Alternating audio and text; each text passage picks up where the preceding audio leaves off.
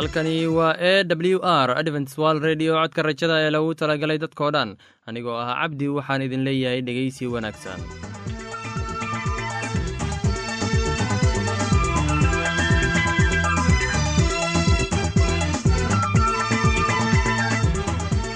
Barnaamijyadeena maanta waa laba qaybood. Qaybta kuwaad waxaad ku maqli doontaan barnaamijka nolosha qoyska. Kadib waxaa inoo raaci doonaa cashar inaga yimid bugga nolosha ee dhegeysi wacan kulanti wacan dhegaystayaal kuna soo dhowaada barnaamijkeennii nolosha qoyska oo aad xiliyadan oo kale aad hawada inaga dhegaysan jirteen. Mowduuceena maanta wuxuu ku saabsan yahay waxyeelaynta haweenka anigoo ah cabdi waxaan idin leeyahay dhegaysi wacan dhammaantiinba.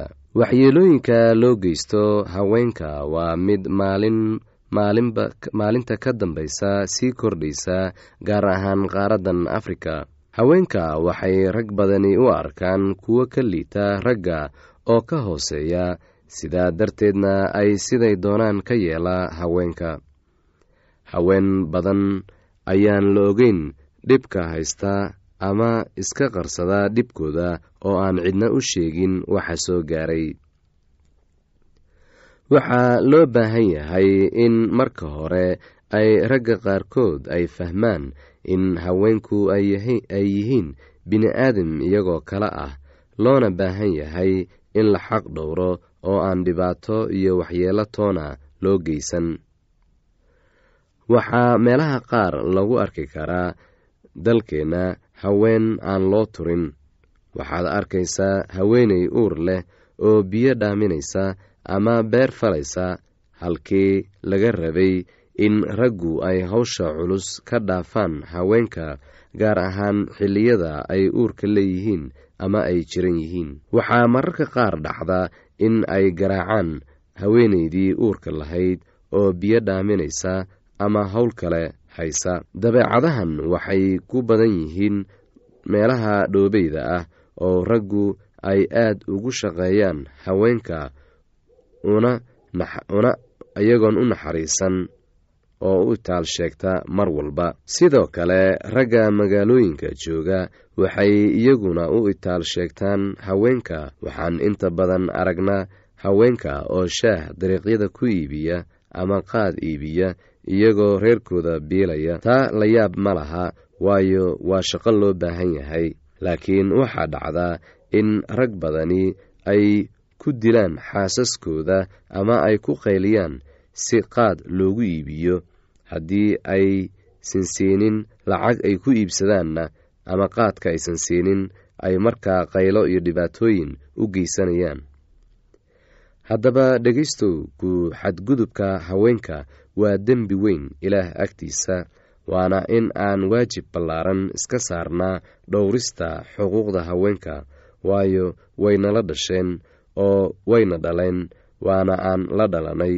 Rag inala mid ahna way la dhasheen ragga qaar ayaa qabaa in haweenku aysan inaba xuquuq lahayn ama u maleeya in ay ka liitaan.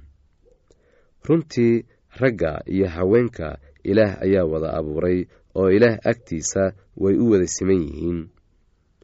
Ogow haddii aad xaqirto ruux haweenay ah inaad xaqirtay hooyada tii ku dhashay adiga.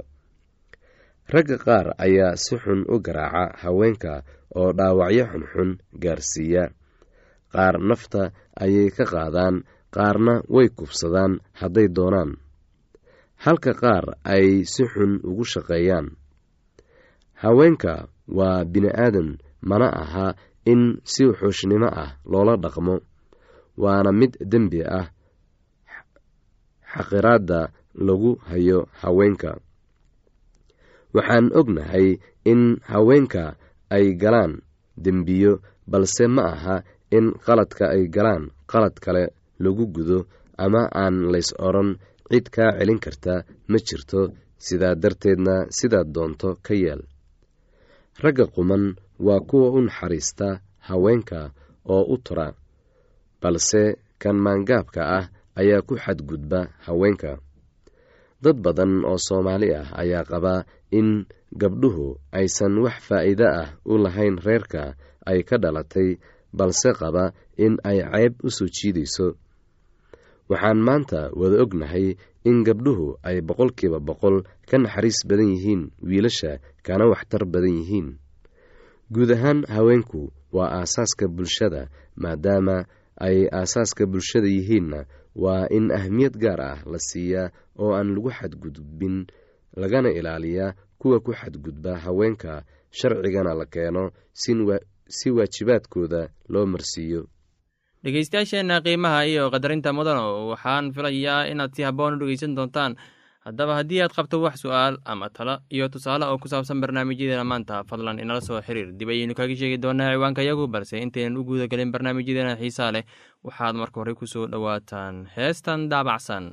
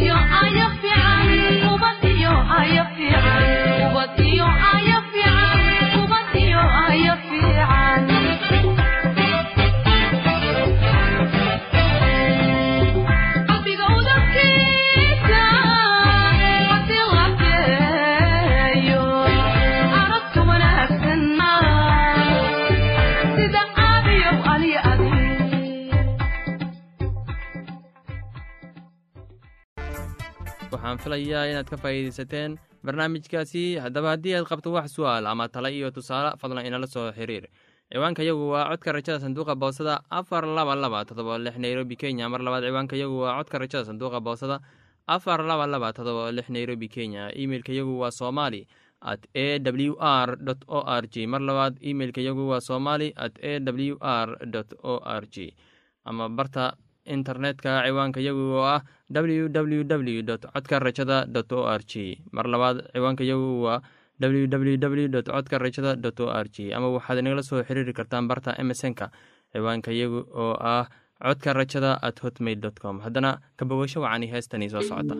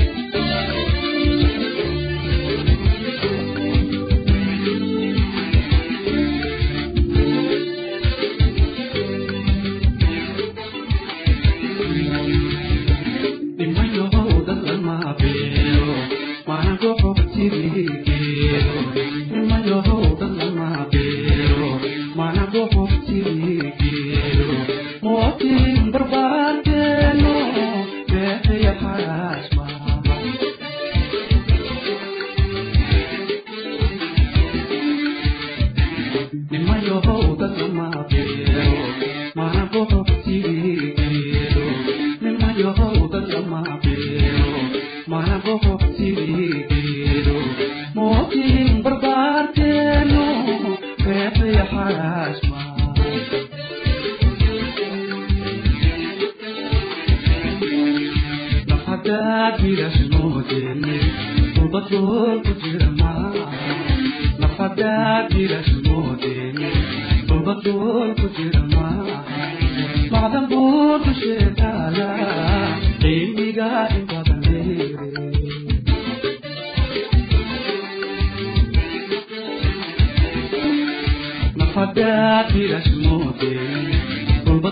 boqol ku jira maaha nafadaad bilaash moode gombatrool ku jira maaha macdan buu dusheeda taala cilmiga ibadan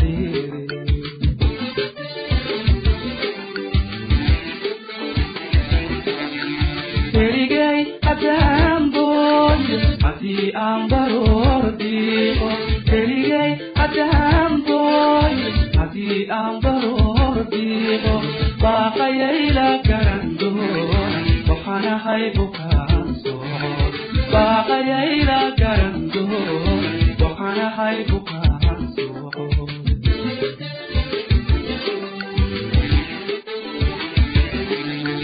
keligay haddaan booyo haddii aan baroor diiqo keligay haddaan booyo haddii aan baroor Walloon beeso qonaynin beelina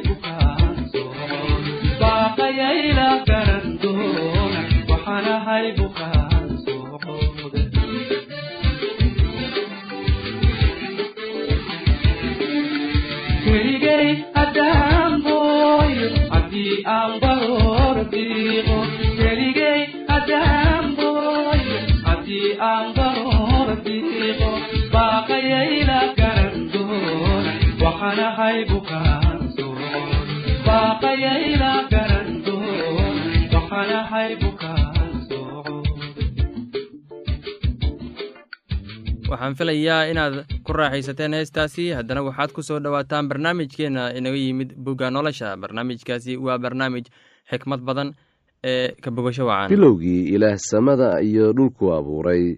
Dhulkana qaab ma lahayn wuuna madhnaa gudcurna muulkuu dul joogay oo ruuxa ilaahna wuxuu ka dul dhaqdhaqaaqayay biyaha. Ilaahna wuxuu yidhi iftiin ha ahaado iftiin baana ahaaday. Ilaahna wuxuu arkay iftiinkii inuu wanaagsan yahay. Ilaahna iftiinkii ayuu ka soocay gudcurkii. Ilaahna iftiinkii wuxuu u bixiyey maalin gudcurkiina wuxuu u bixiyey habeen.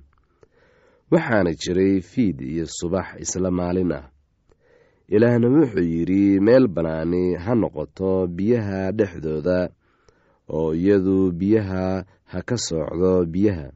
Markaasuu ilaah sameeyey meeshii bannaanka ahayd oo wuxuu biyihii bannaanka ka hooseeyey ka soocay kuwii bannaanka ka sarreeyey. Sidaasayna ahaatay ilaahna bannaankii wuxuu u bixiyey samo waxaana jiray fiid iyo subax maalintii labaad. Ilaahna wuxuu yidhi biyaha samada ka hooseeya meel ha isugu soo urureen oo ciidda engegani ha muuqato sidaasayna ahaatay. Markaasuu ilaah ciidda engegnayd u bixiyey dhul ururkii biyahana wuxuu u bixiyey bado oo ilaah wuxuu arkay intaasuu wanaagsan tahay. Ilaahna wuxuu yidhi dhulka ha soo bixiyo doog iyo geedo yaryar oo iniino dhala iyo geedo waaweyn oo midho caynkooda ah dhala oo inanahoodana ku dhex jiraan oo dhulka ku kor yaal sidaasayna ahaatay.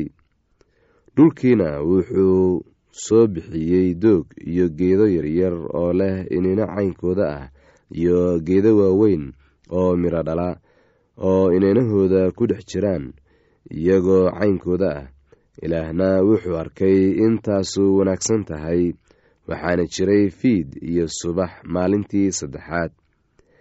Ilaahna wuxuu yidhi iftiimo ha ahaadeen meesha bannaan oo samada dhex ah si ay u kala soocaan maalinta iyo habeenka oo ha u ahaadeen calaamooyin iyo xiliyo iyo maalmo iyo sannado oo iftiimo ha u noqdeen meeshii bannaanayd oo samada dhex ahayd si ay u iftiimiyaan dhulka dushiisa sidaasayna ahaatay.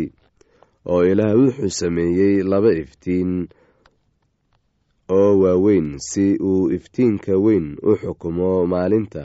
Iftiinka yaruna u xukumo habeenka oo xidigahana wuu sameeyey ilaahna wuxuu iyaga dhigay meeshii bannaanayd oo samada dhex ahayd si ay dhulka u iftiimiyaan oo ay u xukumaan maalinta iyo habeenka oo ay iftiin uga soocaan gudcurka.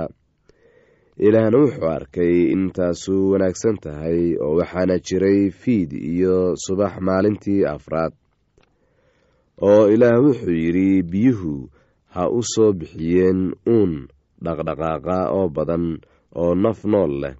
Haaduna ha duusho dhulka dushiisa xagga meeshii bannaanayd oo samada dhex ahayd oo ilaah wuxuu abuuray nibiryada badda oo waaweyn iyo uun kasta oo nool oo dhaqdhaqaaqa ee biyuhu aad u bixiyeen iyagoo badan oo caynkooda oo kala dhala iyo haad kasta oo caynkiisa dhala ilaahna wuxuu arkay intaasu wanaagsan tahay oo ilaah baa barakadeeyey iyaga isagoo leh wax badan dhala oo tarma oo biyaha badda ka buuxsama haaduna ha ku tarmeen dhulka oo waxaana jiray fiid iyo subax maalintii shanaad oo ilaah wuxuu yidhi dhulku ha soo bixiyo uun nool oo caynkiisa dhala kuwaasoo ah xoola iyo waxa gurguurta iyo dugaagga dhulka oo caynkooda dhala. Sidaasayna ahaatay. Ilaahna wuxuu sameeyey dugaagga dhulka oo caynkiisa dhala iyo xoolo caynkooda dhala iyo wax kasta oo dhulka gurguurta oo caynkiisa dhala. Ilaahna wuxuu arkay intaasu wanaagsan tahay. Ilaahna wuxuu yidhi aan nin inoo eg ka samayno araggeenna oo iyagu ha xukumeen kalluunka badda iyo haadda hawada iyo xoolaha iyo dhulka oo dhan iyo waxa dhulka gurguurta oo dhan oo ilaah nin buu ka abuuray araggiisa ilaah araggiisa ayuu ka abuuray isaga lab iyo dhadig ayuu abuuray oo ilaah baa barakadeeyey iyaga oo ilaah wuxuu iyaga ku yidhi wax badan dhala oo tarma oo dhulka ka buuxsama oo ka sara mara dhulka xukuma kulunka badda iyo haadda hawada iyo wax kasta oo nool oo dhulka kor dhaqdhaqaaqa. Oo ilaah wuxuu yidhi bal eeg waxaan idin siiyey geed kasta oo yar oo iniino dhala oo ku yaal dhulka dushiisa oo dhan iyo geed kasta oo weyn kaasoo midho leh oo iniino dhala oo waxay idiin noqon doonaan cunto oo dugaag kasta oo dhulka jooga iyo haad kasta oo hawada oo hawada duusha iyo wax kasta oo dhulka gurguurta oo naf nool leh ayaan geed kasta oo cagaar ah cunto u siiyey. Sidaasayna ahaatay oo ilaah wuxuu arkay wax kasta oo uu sameeyey oo bal eeg aad bay u wanaagsanaayeen.